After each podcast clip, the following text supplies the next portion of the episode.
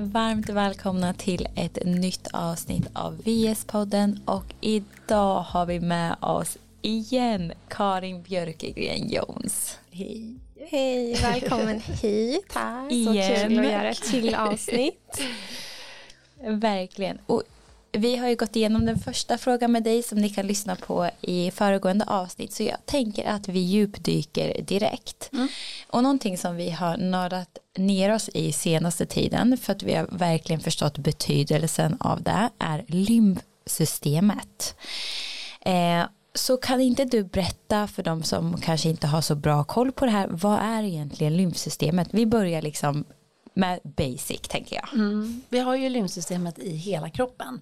Alltså från fötterna upp till huvudet. Det är som grenarna på ett träd som liksom finns i hela kroppen som olika kärl, lymfkärl.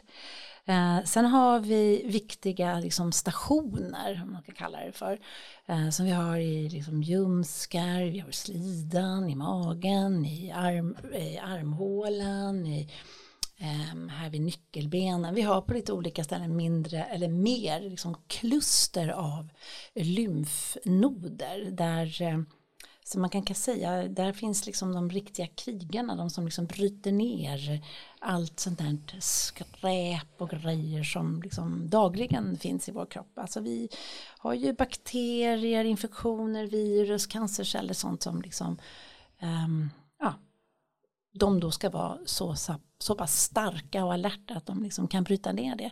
Eh, och då behöver man ha ett flöde i sitt lymfsystem och man behöver liksom ha lymfnoder som inte behöver jobba med en massa andra saker utan faktiskt med det de egentligen är där för, att det vill säga bryta ner sånt som vi inte vill ha i vår kropp som då infektioner och sjukdomar och sånt där. Mm. Ja, för du brukar kalla det kroppens avloppssystem Jo. eller reningssystem. Jo, men det är, det är kroppens ett av dem liksom. Absolut, och, och vi har ju man säger att man har ungefär fyra liter, det produceras fyra liter lymfvätska eh, om dagen i en människa. Eh, och blodcirkulationen förlorar två liter vätska om dagen. Eh, så vi vill ha ett liksom renat lymfvatten eller vad man ska kalla det för som har kommit upp och som sen tömmer sig i, eh, tillbaka ut i, blod, i blodomloppet eh, som det gör då här vid liksom nyckelbensvenen. Eh, så därför vill man liksom få upp vätskan från liksom fötter och allt sånt dit. Eh, och det är då två, sen är det då liksom två liter till som vi ska bli av med av den där lymfvätskan och det gör vi ju med att vi kissar, att vi svettas, att vi, ja, mm, man svettas ju även i ögonen så här. Så att, Um, det, så ska den liksom försvinna så att den inte liksom byggs på. Um, och det som kan hända då, det som hände mig var då att jag fick eh, lymfödem. Men det var ju på grund av liksom cancerbehandlingarna. Uh, i, så att jag har liksom en högerarm som är större och då har liksom vätskan stannat kvar och inte kunnat ta sig vidare och då kan det omvandlas till fett och då blir det liksom svårare att bli av med det. Um, ja.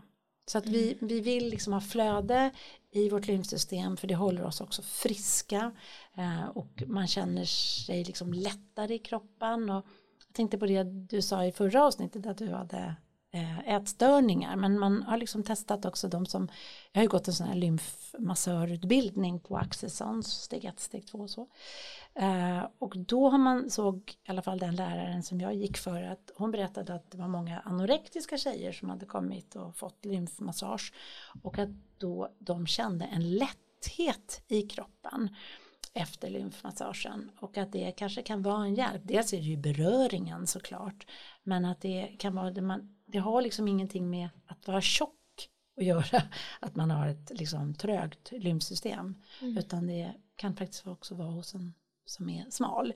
Ehm, men att vi behöver det här flödet för att hålla oss friska. Om, får jag bara säga en sak till som också jag tycker jag sa från topp till, till tå. Och det är att man också på senare tid. Eh, man har ju behandlat lymfsystemet väldigt styrmoderligt och inte tänkt att det har varit särskilt viktigt. Så, eh, så att det, jag tycker faktiskt inte att det är så många i sjukvården som kan så mycket om, om lymfsystemet och att man faktiskt borde kanske forska på det och lägga lite mer tid på läkarutbildningen. och sådär. Eftersom att det är så pass viktigt. Men man har i alla fall upptäckt att eh, man har ett lymfatiskt system, system i hjärnan, det lymfatiska systemet som då tömmer sig på natten, alltså allt som vi är med om och så här. Eh, och då är det viktigt också att man har en bra hållning så att inte det blir liksom så att det kan flöda. Eh, men också då när man har upptäckt det och då har man ju liksom börjat göra studier så på så här, ja, Alzheimers och alla så neurologiska eh, heter det neurologiska sjukdomar? Sjukdom, alltså, ni, ni fattar vad jag mm. menar.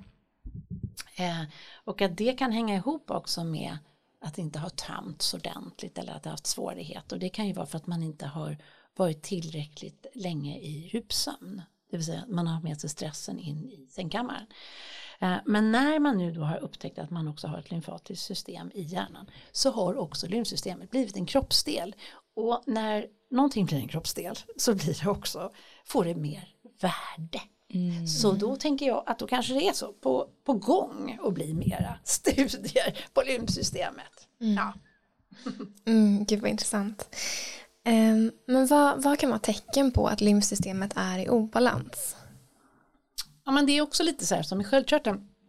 Att man eh, är mycket förkyld, alltså täppt i näsan ofta liksom. Eh, man har sjukdom, liksom, eller de här förkylningskänslorna som liksom aldrig riktigt försvinner. Eh, ja, men man svullnar, man kanske svullnar efter att man har tränat hårt. Det brukar vara ett ganska eh, gott tecken på att man tränar för hårt till exempel, att det inte är rätt typ av träning, man ska liksom inte helst svullna efter en träningsform. Eh, ja men att man har svårt att liksom gå ner i vikt. Um, alltså, torr hud, det finns massvis med sådana liksom problematiska, eller eksem och sådana saker.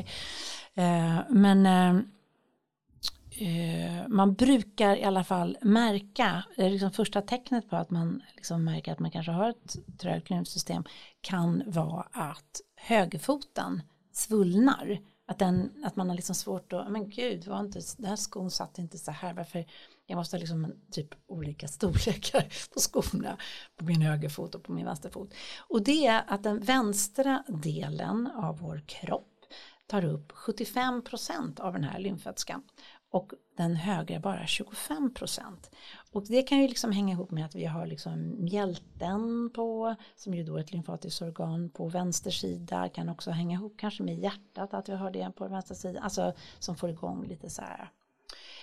Um, det finns det ju liksom inte, vet jag inte varför det är så, men det är så.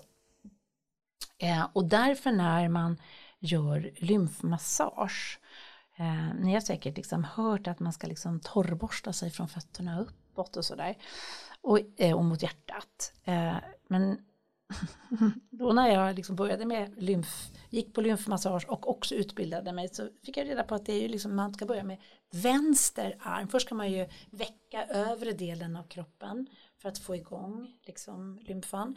Eh, men man ska också använda sig av andning, det vill säga att man kopplar på bäckenbotten. Och den brukar ju liksom kopplas på automatiskt när man andas ut. Eh, och när man andas in så brukar diafragman sjunka. Då blir det en pump för lymfsystemet på samma sätt som hjärtat är en pump för eh, blodcirkulation. För att lymfan har ju ingen naturlig pump i kroppen utan det får man liksom hjälpa den. Men då, eh, eller hjälpa systemet. Men då börjar man med vänster arm, höger arm, eh, överdelen, bröst, mage, eh, vänster ljumske, höger ljumske. Och sen gör man vänster ben och sen höger ben. Det är liksom riktningen som man ska göra när man gör sin egen vård, när man torrborstar sig och sådär. Så det är för att man vet att den tar upp liksom mer den sidan. Mm. Och jag älskar de här tipsen för det är någonting man kan få in i sin vardag på ett så enkelt mm. sätt. Alltså det är så små medel mm. som faktiskt gör en stor skillnad. Jag själv har använt det nu och det är också från ett självkärleksperspektiv att mm. ta hand om min kropp mm. och också bara att men när man torkar sig eller man smörjer in sig att man då kan följa de här mönstren. För det är någonting man ändå gör. Så mm. då kan jag lika gärna göra det på det sättet. Precis, och det är så jag brukar liksom lära ut. Jag har ju liksom workshops i um, ja, att boosta sitt lymfsystem och också en onlinekurs som heter Boosta lymfsystemet. Men då att man dels hur man tar hand om hur man gör sin ögonvård, att man gör det med det vänstra, men att man kan få in det, för jag får alltid den här frågan, men gör du det här varje dag? Ja, men jag gör någonting varje dag för att ta hand om mitt lymfsystem. Och det kan ju vara då att, alltså, nu smörjer inte jag mig så himla mycket med, tvättar mig med tvål på kroppen, men, men om jag till exempel eh, ska torka mig så använder jag ju såklart handduken och då tar jag vänster hand, höger hand. Alltså att man gör i den riktningen. Då har man ju redan fått in sin egen vård. Att man liksom får in det på olika sätt. När jag sen smörjer mig, då smörjer jag mig i den, mm. eh, i den ordningen. Och då har man också fått in det. Mm. Så att det är liksom sånt, man får liksom försöka göra det inte så att det blir så ett, ett, extra moment utan hur kan jag få in det här i liksom mitt när jag tar hand om mig själv. Så. Ja, och min mamma har ju läst eh, dina böcker. så att eh, jag, det känns ju som att jag har lyssnat på det här redan tidigare. och jag, Bra. jag förstår ju vart hon har fått det ifrån. så att det är så, men det är verkligen så underbart verktyg. Som inte kostar någonting och egentligen inte adderar någonting. Mm. I tiden. Magiskt. I dagens avsnitt vill vi tacka vår fantastiska sponsor Skinom som ger färsk hudvård. Och Skinom är grundat av hudforskaren Dr. Johanna Gillbro som även är författare till bästsäljande boken Hudbibeln. Ja, och vi läste Johannas bok i början på året och blev helt frälsta. Och vi båda använde deras produkter där du Sara använder den för oljehud och jag använder den för en normal hy. Och vi älskar dem. Och vi kommer även testa deras nya produkt eh, som innehåller probiotika. Mm, det är så coolt. Och det här konceptet är faktiskt baserat på mer än tio års forskning och produkterna är utvecklade i deras laboratorium här i Stockholm. Och som man kan gissa utifrån beskrivningen så är det unika med just färsk hudvård att det inte innehåller några konserveringsmedel eller onödiga tillsatser som parfym eller färgämnen, vilket vi ju älskar. Och därför har också deras produkter en kortare hållbarhet, precis som färska livsmedel. Och därför ska de också förvaras kylt. Och någonting som vi inspireras av med Skinom är att de har en minimalistisk filosofi vilket innebär att man använder få produkter med korta ingredienslistor så att man inte överbehandlar huden i ansiktet vilket annars är väldigt vanligt. Eh, och för att göra sina produkter så naturliga som möjligt för huden så fokuserar Skinom på att använda hudegna ingredienser det vill säga substanser som naturligt finns i vår hud. Mm, det är så, så bra. Och vi har ju fått äran att dela en rabattkod till er på alla Skinons produkter. Så om ni uppger koden WomenSync med stora bokstäver så får ni 20% rabatt på deras hemsida. Och koden gäller hela december ut och kan inte kombineras med andra erbjudanden. Så för att läsa mer om deras produkter, gå in på skinnon.se. Tack Skinnon för ett fantastiskt samarbete. Tack. Men jag tänkte att vi skulle gå in lite på hudvård. Mm. Eh, och du har ju en eh, utbildning inom det. Mm. Ja. Men jag tänker att du pratar ju väldigt mycket kring om hur olika gifter och toxiner gör att lymfsystemet får jobba på högvarv. Mm. Så hur kan man i vardagen minimera ja, risken att utsättas för de här gifterna? Har du något tips till de som lyssnar? Men vi utsätts hela tiden. Alltså det här vattnet är säkert inte det som jag dricker nu, det är ju liksom inte filtrerat. Eh, och vad är, är, det i det liksom? Vi vet ju inte. Det är liksom medicinrester, det är lite allt möjligt, smått och gött. Eh, så vi får ju i oss det oavsett. Eh, så att vi måste liksom hjälpa vår kropp. Uh, och då tänker jag så här att mycket av de här liksom body lotions och krämerna och allting som finns. Om man tittar lite på baksidan och ser ingredienserna och kanske bara går ut och googlar lite lätt. Vad är det här? Ja men det är så himla mycket gjort liksom av eh, petroleum. Eller heter det petroleum? Ja det gör det. Eh, bensin liksom. Eh, vaselin och sånt. Som är, det är inga bra grejer att ha på huden alls. Och det kan också vara massa olika doftbärare som inte heller är så bra, fotilater som det då heter, eh, som också är, är rena aromagiftet. Och det smörjer vi på oss. Det är också dels eh, rent kroppsligt vad vi smörjer våra kroppar med och att då får liksom lymfsystemet jobba med att bryta ner ja, men olika gifter som vi liksom tillför oss. Vi vet ju det att, att huden äter, det vet ju liksom läkemedelsbranschen, annars skulle inte de göra de här olika hormonplåstren och nikotinplåster och allt möjligt som ju finns, olika salver som, som ska ta bort eh, ja, saker. Så att vi vet att, att huden äter. Så det måste man ju liksom tänka att det är liksom lite samma sak. Vad matar du din hud med? Um, och att vi vill ju att lymfsystemet ska ta hand om de här ja, infektionerna och viruserna och grejerna som liksom dagligen uh, går genom våra kroppar och inte hålla på och försöka bryta ner en kroppslotion. Det känns liksom så dumt. Man vill ju försöka underlätta för sin kropp att göra sitt jobb. Så tänker jag. Uh, och grejen är också att det blir rent eh, miljöschysst. Eh, eftersom att när vi sen också duschar så duschas ju det där av och ut i liksom avloppet och kommer ut i grundvattnet och så plötsligt har vi en massa så här hormonstörande saker i vårt vatten. Vi får försöka liksom vara det lilla man kan göra. Och det blir ju också mycket billigare, för bättre i plånboken, mer pengar kvar i plånboken om man gör sin egen hudvård. Alltså, ja, så himla enkelt egentligen mm. växtoljor och någon eterisk olja och sådär. Mm. Så att vi har, eh, jag, dels gick jag den här utbildningen till botanisk aromapedagog och sen gick jag, eh, jag är också utbildad ekologisk hudvårdsterapeut. Jag jobbar ju inte som någonting men jag, jag skrev en bok ihop med min lärare som heter Ren skönhet som handlar om eh, Lena Lochali heter hon men den handlar ju om hur man liksom gör sin egen hudvård så enkelt, så bra och huden mår mycket bättre.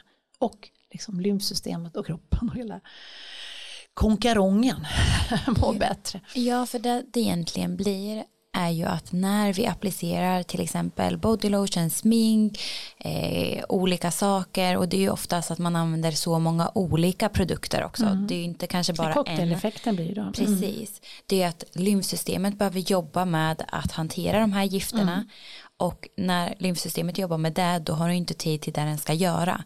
Och det här i sin tur tänker jag och det, det, är inte säkert att det finns någon backning på det men det kommer ju påverka vår fertilitet också. Eller hormoner. Om det inte redan har gjort det. Precis. Mm. Så det är också den balansen att när inte kroppen får tid att göra det den behöver. Mm. Det prioriteras ju annat. Det är mm. överlevnad bort med de här gifterna versus mm. att hantera det här. Mm.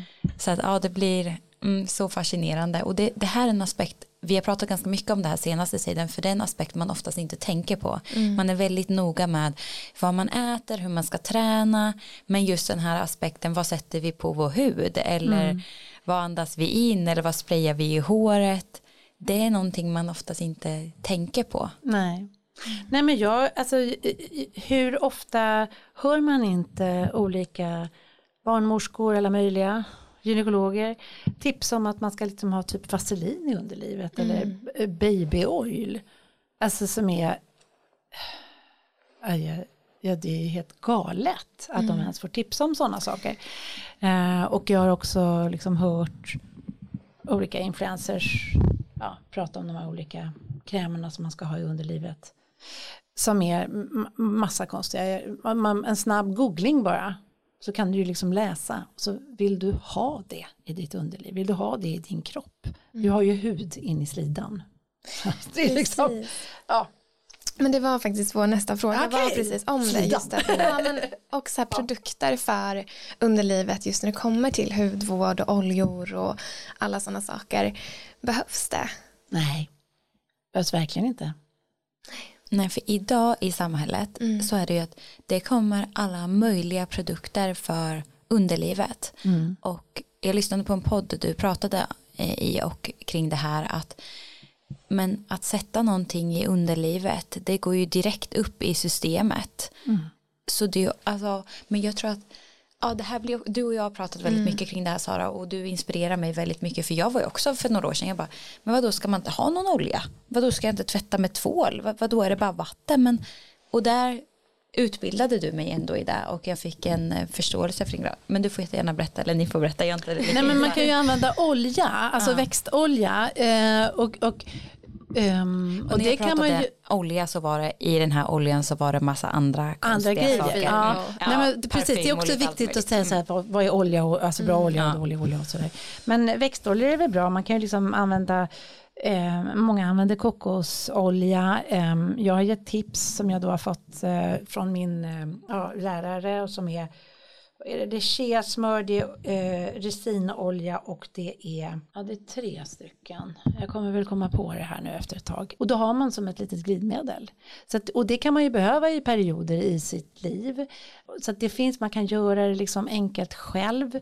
Um, och man behöver inte liksom köpa de där dyra som mm. också det som också är som, som gärna glöms i hela det här när vi, när vi kommer till att man gör sin egen hudvård är ju när vi köper den här hudvården så är ju de liksom förpackade i olika plastburkar och sånt där. De har genomgått, eh, de har tvättats, vi vet inte vad de här burkarna har tvättats med för olika medel på de här fabrikerna eller där de görs, där det packas. Eh, de här ska sedan brytas ner, de här plastförpackningarna och så, här. så att man får tänka liksom också lite längre. Eh, och gör du din egen hudvård så har du ju oftast samma burk som du använder. Du kan liksom, förstår du, man bara tvättar den själv och sen så häller man i så kanske det räcker för en, två veckor eller tre veckor eller något sånt om man har det i kylskåpet eller något sånt där. Att, man, att det är mycket schysstare. Mm. Så att vi har liksom också en miljöaspekt som vi måste börja tänka på. Inte bara alltså den inre miljön som är super, super viktig. Men också vad det blir, vad det liksom blir för någonting utöver det. Mm. Jag tycker det är så viktigt också det du sa med att om man använder en olja till exempel i underlivet att det kanske är i en period. Mm. För det är också någonting som är farligt om det normaliseras att man alltid är torr i underlivet till exempel eller alltid får ont under sex och känner att man behöver glidmedel därför mm. att då är det någonting annat som inte är i balans mm. och det känns som att det också normaliseras att har man ont till exempel, ja, men då ta en olja så har det löst problemet. Mm. Och det är också farligt om det blir absolut. på det sättet. Nej men absolut och det, och det kan jag också tänka för det har ju, det har ju ökat det här med svamp i underlivet, det har också ökat vestibulit mm. och vaginism och, och man gick ut med några års, för några år sedan med liksom en brasklapp från Socialstyrelsen att vi måste utbilda fler eh, som kan ta hand om de här tjejerna som har så ont vid sex och samlag. Mm. Um, ja, och som skickas hem med att det är naturligt eller ah, du kanske inte är tillräckligt kåt eller vad det nu är. Mm. Som man får höra och det är ju också sånt där, icke, det är väl icke-vård kan man väl då säga. Um, och då kanske man använder fel olja, då kanske man använder vaselin och så ah, vi, är vi inne i en jättedålig cirkel. Um, ja. ja, och jag tycker också att idag kommer det ju så himla många olika brands där man också ska normalisera att man ska lukta på något speciellt sätt. Ja. Det ska vara parfym hit och dit och du ska ha en parfym för din, ditt underliv eller du ska ha våtservetter för att lukta på ett speciellt sätt. Men för vem och varför och hur? Alltså, ja, hur kan det ha blivit en Ja, när det finns liksom parfymer gjorda på fitt, slem eller vad man säger, sekret. Ja, Mm. Jag vet inte, det är jättekonstigt. Mm. Det är jätte, jättekonstigt. För det finns någonting också eh, när, man, när man gör egentligen, när man håller på att jobba med så parfymer och dofter och sånt där, så eh, många av de här lite tjusigare parfymerna, de har en underton av liksom bajs. Är det så? alltså det finns, det finns liksom något som är triggande och då, eh, jag vet inte, feronomer och sånt där, det är ju, vi har ju ett sånt. Alltså, sånt ja. mm. Det är jätte, alltså att, att, att liksom, det finns mm. något också i Ja, det är lite märkligt att vi är så rädda att vi tror att liksom så här, ett underliv ska lukta persika eller mm. något sånt där. Och också de här då som då, då är det ju liksom doftbärare i, det är ju inte bra. Det är ju absolut inte bra. Nej, för hur kan det här störa, kan det här störa till exempel men bakteriefloran i underlivet eller hur, på vilka sätt kan det störa? Det stör, ju, det stör ju bakteriefloran absolut ja. för att det ändrar pH-värdet. Ja. Uh, men ja, och sen vad, om det tar sig in och så här så vet vi ju inte. Vi vet ju inte det och det är ju det man skulle vilja att det liksom blev lite mer strängare mm. regler för olika saker. Jag tycker nog att skönhetsindustrin också har borde synas lite mera mm. faktiskt med vad, vad de får använda för liksom bulkämnen när de gör sina produkter. Ja, för nu är inte jag superinsatt i det här men bakteriell vaginos, är inte det att det luktar på ett sätt på grund av att man kan ha att pH, ja, pH-värdet kan vara svamp eller ja. ja. så. Ja. För det kan ju för jag vet att vi har haft några frågor kring det här och jag har inte kunnat navigera dem i det för att jag själv inte upplevt det och jag har inte satt mig mm. in i just det här. Men det jag fick till mig från en av våra experter är att när du, för då kanske deras sätt blir då att okej okay, det här luktar inte bra eller jag har svamp, jag vill bara tvätta med tvål mm. eller vad det nu är och att det ger ju motsatt effekt för att det kan störa då pH-värdet i underlivet. Mm. Så det är ändå viktigt att ta med sig. Ja och i vissa lägen när det är liksom svamp och sånt där då ska man ju inte ha olja heller. Precis. För att det kan göda. Mm. Då får man nästan mm. gå till någon som kan. Verkligen. Alltså, mm. Mm, jag tänkte, du nämnde nu också det här med, äh, med skönhetsaspekterna, alltså all, allting kring mm. det här handlar liksom på något sätt om skönhetsindustrin och sådär. Mm. Men jag vet att du har pratat om eh, celluliter kopplat till lymfsystemet och mm. då är det ju inte utifrån en skönhetsaspekt utan att det faktiskt kan vara kopplat till mm. lymfsystemet. Hur hänger det ihop? Alltså vi har, kommer ju alltid ha lite cellulit där, mm. det, det, har vi ju. Uh, men det hänger absolut ihop. Um, har man mycket så, så kan ju det vara att man har ett sämre flöde just där och sådär. Uh, och många kan ju också få väldigt ont när man tar där, om man har speciellt mycket sådana områden där det är liksom har stagat sig eller vad man kallar det för. Uh, ja, så det kan absolut vara ett, ett lymfatiskt problem som ju man kanske ska jobba mot. Och är det då liksom genom massage främst man kan massage, jobba? egenvård, mm. förändring av maten. Um, Alltså det är många och det finns ju inte heller liksom så här, det är så svårt att prata om sådana här saker för att det, forskningen finns ju liksom inte. Utan man får gå utifrån vad dels personer som liksom har lymfatiska problem säger hjälper dem och sådär. Och så får man liksom utgå lite från sig själv. Man kan liksom skriva så här typ som lymfdagbok eller någonting. För att säga, ja men svullnar jag efter en vinkväll, ja men då kanske det inte är så bra för ditt lymfsystem att dricka vin. Eh, svullnar jag när jag äter mycket gluten eller svullnar, alltså förstår ni? Alltså man får liksom uppmärksamma lite och vara lite så här, ja men det här, det, så här känns det i mig. För det är så svårt att säga så här, det här och det här funkar och det här funkar inte. Men man vet att liksom mycket, man ska dricka mycket vatten såklart. För det hjälper ju till att rensa och rena. Eh, man ska se till att man svettas. Man ska se till att man eh, ja, men, och hjälpa den. Eh, veta i vilken riktning, att man väcker sitt lymfsystem. Man ska tänka på sin andning. Eh, och eftersom att vi är tillbaka igen med stress så eh, har vi ju, många har ett stört andningsmönster och man andas väldigt grunt, det vill säga man typ andas bara till nyckelbenen. Då har man ju inte ens fått igång, alltså du har inte ens andats hela vägen ner. Så du har inte fått igång din diafragma. Har du inte fått igång din diafragma, diafragman och bäckenbotten hänger liksom ihop. Då har du förmodligen inte heller bäckenbotten eh, en kontakt med den. Så att, det, att, att lära sig att andas rätt är liksom bra på så många sätt. Vi pratade om i förra liksom avsnittet om, om knipövningar och så, men att att, att lära sig att koppla på sin bäckenbotten och diafragmaandning, långa djupa andetag är liksom bra både för ens psyke för man mår bättre och man stressar ner och man blir lugnare men också för att det är en pump för lymfsystemet. Så att ja, mm. det är liksom, egentligen går man och bär på de bästa redskapen själv mm. hela tiden.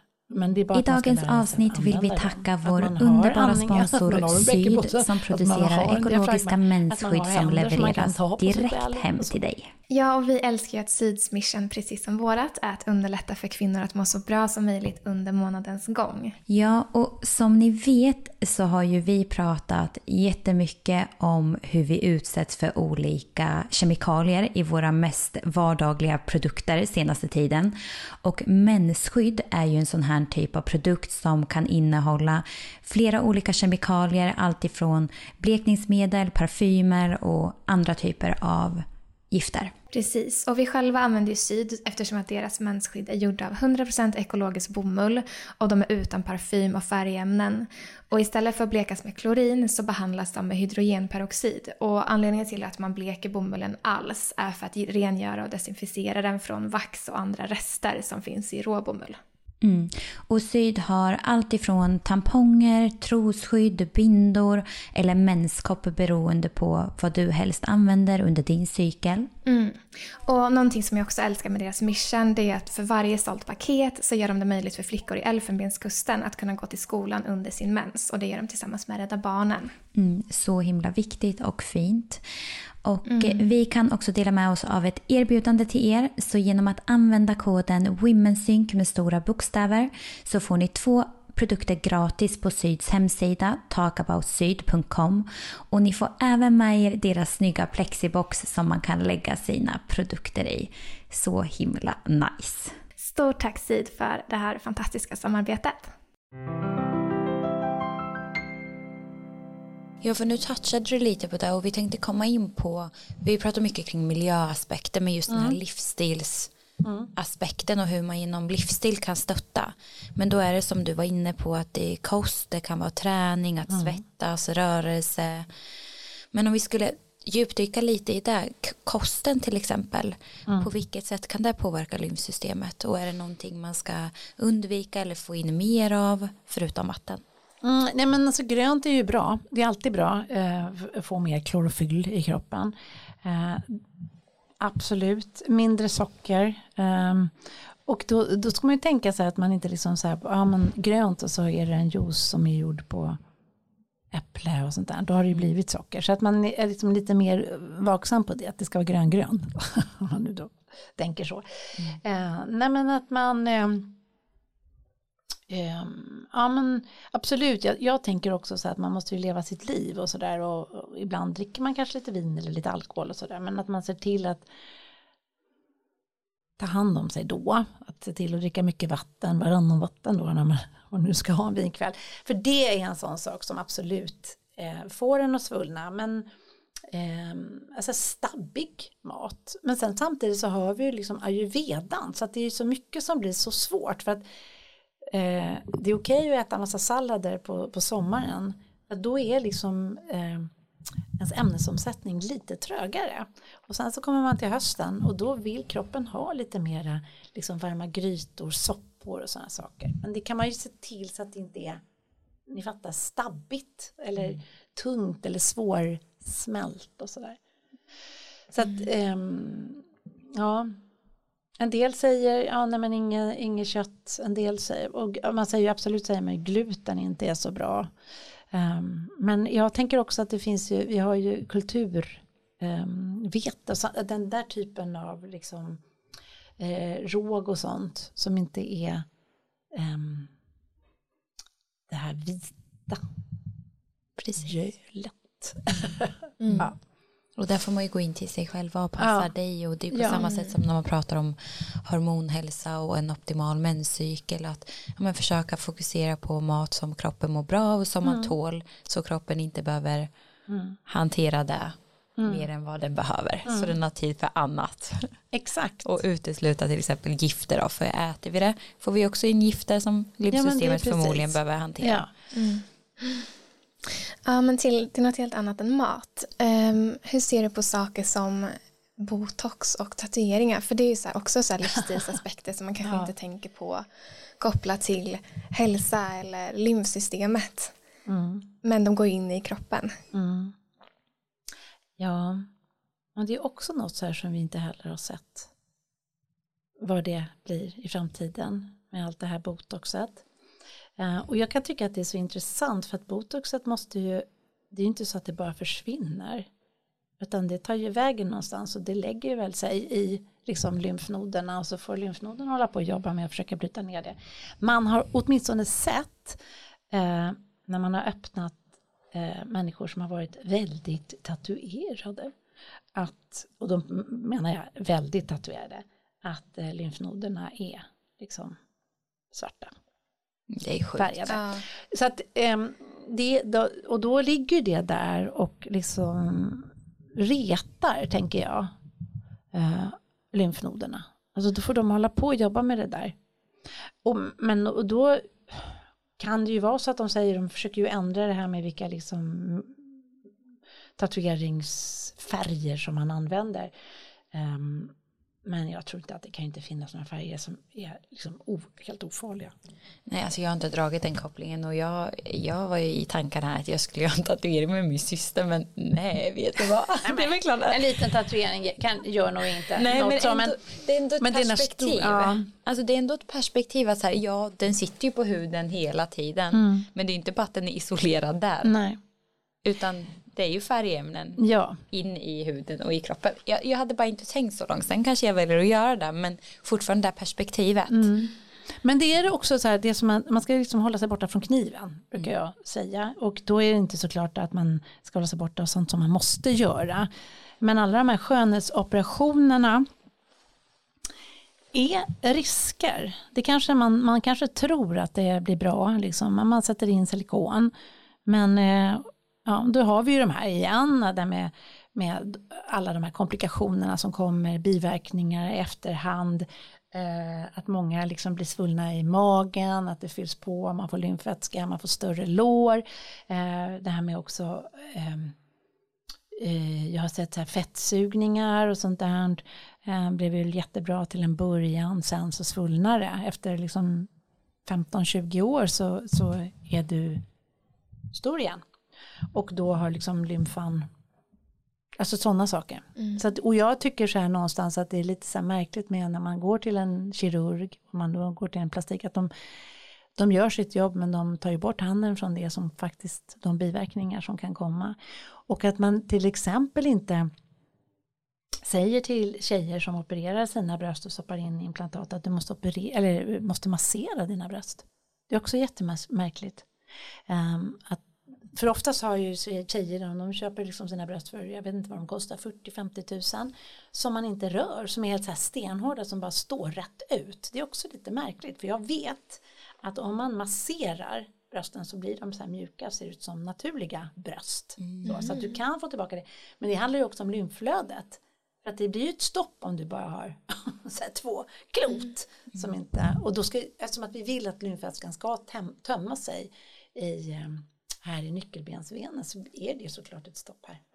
Är det samma sak då om man inte har eh, gjort en bröstförstoring till exempel? Alltså ska man massera brösten av den anledningen? För att man pratar ju mycket om, så här, speciellt nu i oktober och så, att man ska känna efter. Ja. Men just massagen. Massagen är jättebra att, att, alla gör ju, att även, även om man inte har det så ska man massera sina bröst. Också för att, också för att det inte ska vara, för det har ju liksom så här, du vill ju få vätskan till mm. liksom eh, armhålan och sådär. Och sen är det också, vi har liksom bhar eh, som, som också stoppar upp.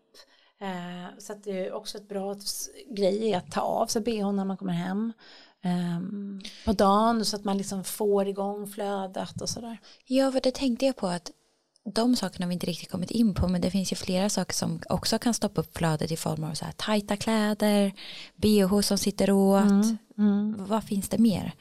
Är det alltså klädesmässigt? R, R. R är absolut, R är ofta stopp, eh, det är därför jag liksom säger att man ska hålla på och massera men R är, eh, blir stopp i kroppen eh, och, och det är också så här många typ så här, om man har ärr på magen och sånt där, det kan vara svårt att ta på det, man, man har ingen känsla, man tycker det är obehagligt och sådär. Och vad händer då? Ja men då liksom växer liksom typ ärrna inåt. Jag vet inte om ni har sett det på en del folk, att liksom ärren går liksom in. Eh, du ska kunna lyfta ditt ärr. Mm. Så. Mm. Eh, och, eh, och, och, och, man kan, man får liksom gå lite långsamt fram då man tycker att det är obehagligt att ta på sig man får ta runt det, man får putta, man får hjälpa liksom vätskan att gå liksom vidare sådär uppåt och, så att den ska kunna tömma sig så att det inte blir ett sånt där stopp. Men också säga, ja men jag fick ett sånt litet ärr, det var ett 12 ärr, men vad har de gjort på insidan? Mm. Vad har de hållit på med där inne? Så att det eh, det behöver inte vara det stora ärret som, är det som, som ger mer komplikationer. Det kan vara ett litet ärr som skapar de här stoppen. Mm, ja, men det är jättebra för jag vet att Mm. mamma och jag pratat kring det här för att hon gjorde akut kejsarsnitt med Mm. mig. Och att det kan ju samlas väldigt mycket Ja. just där och det är också ett väldigt stort är. Mm. Och jag tänker för de som kanske lyssnar som har genomgått kejsarsnitt Mm. så kan det ju vara ett jättebra tips att börja massera och bör man Ja. massera på något speciellt sätt eller handlar Nej, men om man tycker bara att det är så obehagligt från början Mm. att, att ta på det så, så får man liksom vara snäll. Då kan man ju liksom ta liksom under eh, och liksom över och alltså runt själva ärret. Mm. Man kan liksom, liksom, vad ska man säga så här? Fattar ni? Mm. När man liksom, vad heter det, gungar lite. Darrar mer, lite. Darrar det lite Ja. sådär för att få igång det. Eh, sen senare så kan man ju kanske börja använda koppar, ni vet sådana här små koppar som man kan dra ut med, men inte hårt utan man får ta liksom försiktigt så att man kanske kan lyfta det där rätt litet. Sen kan man ju hålla på när man har liksom fått kontakt och fått igång det lite så kan man få igång det. Liksom så att man får ett, ett mjukt R. När det kommer till lymfsystemet för, alltså hos kvinnor och män, är det någon skillnad? Eller funkar det på samma sätt? Är Nej, men männen viktigt? har lite bättre immunsystem och det kan ju hänga ihop med hormonerna. Mm. Det, nu kommer vi in där, men att det är, vi har ju ett hormonsystem och det gör ju att det blir lite trögare och lite så. Mm. Och jag diskuterar här Vi har fler lymfnoder än vad männen har dock. Ja, för jag och mamma diskuterade det här om dagen. Blir lymfsystemet sämre desto äldre man blir om man inte sköter om det vill säga? Mm. Eller är det liksom, hur funkar det? Ja, men det där är ju liksom så olika, vi är ju alla olika. Alltså, du kan ju träffa på en, en äldre som har ett jättebra lymfsystem för att Ja. de inte har en massa ärr, de har inte varit i liksom på det sättet, blivit utsatta på det sättet. De har, de kan liksom, ja, de har, det funkar. Och sen har du någon som har, som har varit med om massa saker och har flera ärr och sådär. Så att det är svårt att säga vad det är, men man säger ju att vi får liksom trögare ämnesomsättning, att- alltså att allting blir lite liksom långsammare i kroppen när vi åldras. Men det behöver inte bli så. Nej. Och sen beror det väl säkert på hur ens livsstil ser ut, vilken plats man är på, vad exponeras man för, vad äter man, alla Ja, de ja men sakerna. precis. Vi har ju blivit, alltså å ena sidan så har vi blivit sämre för att vi liksom utsätts för jättemycket saker liksom och stress och vi har allt det här med alla konstiga ämnen i saker i liksom det vi äter, det vi eh, smörjer in oss i, kläderna vi har på oss och så här. Så att vi, å ena sidan har vi det, men å andra sidan så har vi också blivit mer så här medvetna om att ja, men det är viktigt med vad vi äter, vad vi stoppar i oss och så här. Så att det är liksom dubbelt det där. Mm. För att sammanfatta liksom lite nu på slutet, de bästa tipsen. Vad kan man göra för att boosta lymfsystemet i sin livsstil? Um, ja, men det skulle väl vara att veta alltså, i vilken riktning och så som man ska göra det. Uh, lägga in andning, alltså att man liksom börjar utforska sin egen andning och tänka på hur man andas och sådär. Um, för att hur vi andas på dagen följer också med oss sen in i sängkammaren och är, är ju också hur vi andas i när vi sover och sådär. Så att det, det sätter liksom en, en ganska bra kan säga, hälsostämpel på våra liv. Så. Eh, men att försöka få till ehm, genomsvettningar. Och, det kan också vara ett lymfatiskt problem, att man har väldigt svårt att svettas. Ehm, men att försöka få till det och det kan ju vara liksom till exempel ett ah, IR-bastu, infraröd bastu. Eh, och eller eh, en rask promenad. Men att man då innan kanske smörjer in kroppen med ett tunt lager med växtolja. Det kommer hjälpa kroppen att svettas. Så det är mitt tips för dem som, som har problem med att svettas. Eh, men också, jag har också fått rådet för att jag har ju, ja, när man har varit utomlands och så med mitt lymfödem och så ta, behandlar man ju lymfödem på olika sätt i, runt om i världen. För att här i Sverige så får vi liksom en, en kompressionsstrumpa. I Indien så var det örtomslag eh, och eh, i Grekland så var det massa lymfmassage och så. Men både den där grekiska läkaren och den indiska läkaren eh, ordinerade att jag skulle vara 40 minuter eh, trampa vatten. Så att trampa vatten är superbra för lymfsystemet. Det blir liksom en naturlig kompression. Um, och att vada i vattnet upp till knäna, så här att man går på stranden och vadar i vattnet, är också superbra. Det blir som en kompressionsstrumpa som f- får igång det. Så det, det är också sådana här grejer som man kan tänka sig, ah, men jag är på stranden här men då promenerar jag lite i vattnet och så eh, och allra bäst är det såklart om man är i de här mer saltare haven för då får vi också automatiskt i oss jod och de här bra mineralerna. Så. Sånt mm, kan man ju tänka på. Ja, vi pratade om det i förra avsnittet så intervjuade vi Disa Minör.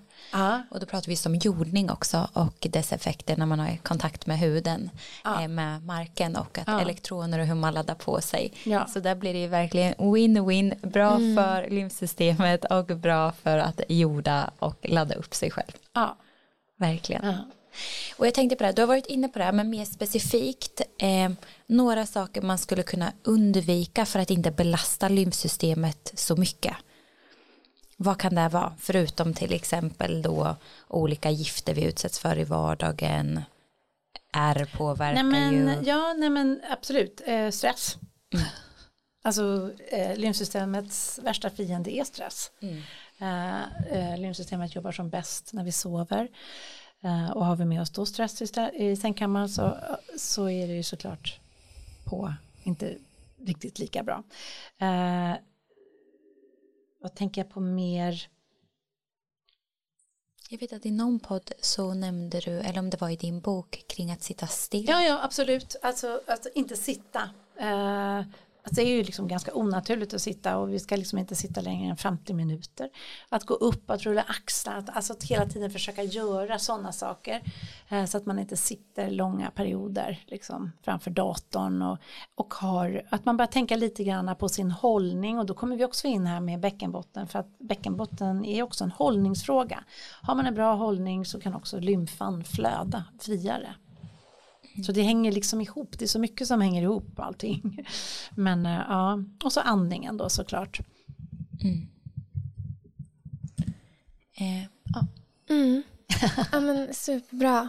Tack för en jättebra podd. Alltså så mycket tips och råd vi kan ta med oss. Jag har mm. lärt mig massor. Ja. Och som sagt, jag sa det förut, men jag älskar ändå konceptet av att det här är någonting som är gratis. Vi mm. kan använda det i vår vardag och bara hitta alltså saker och också perspektivet att man kan göra det av kärlek så inte mm. det blir det här måstet eller mm. en till sak att göra utan mer så här, jag gör de här sakerna så det kan ju vara så här små saker att du kanske inte gör det exakt som man ska men kan du bara börja med vänster arm och dra upp där mm. ja men då hjälper du kroppen lite på traven ja exakt jag brukar tänka så här ja men jag behöver, det behöver inte vara perfekt bara jag gör någonting ja precis så hjälper det till ja mm. men också de här pauserna för det behöver vi mm.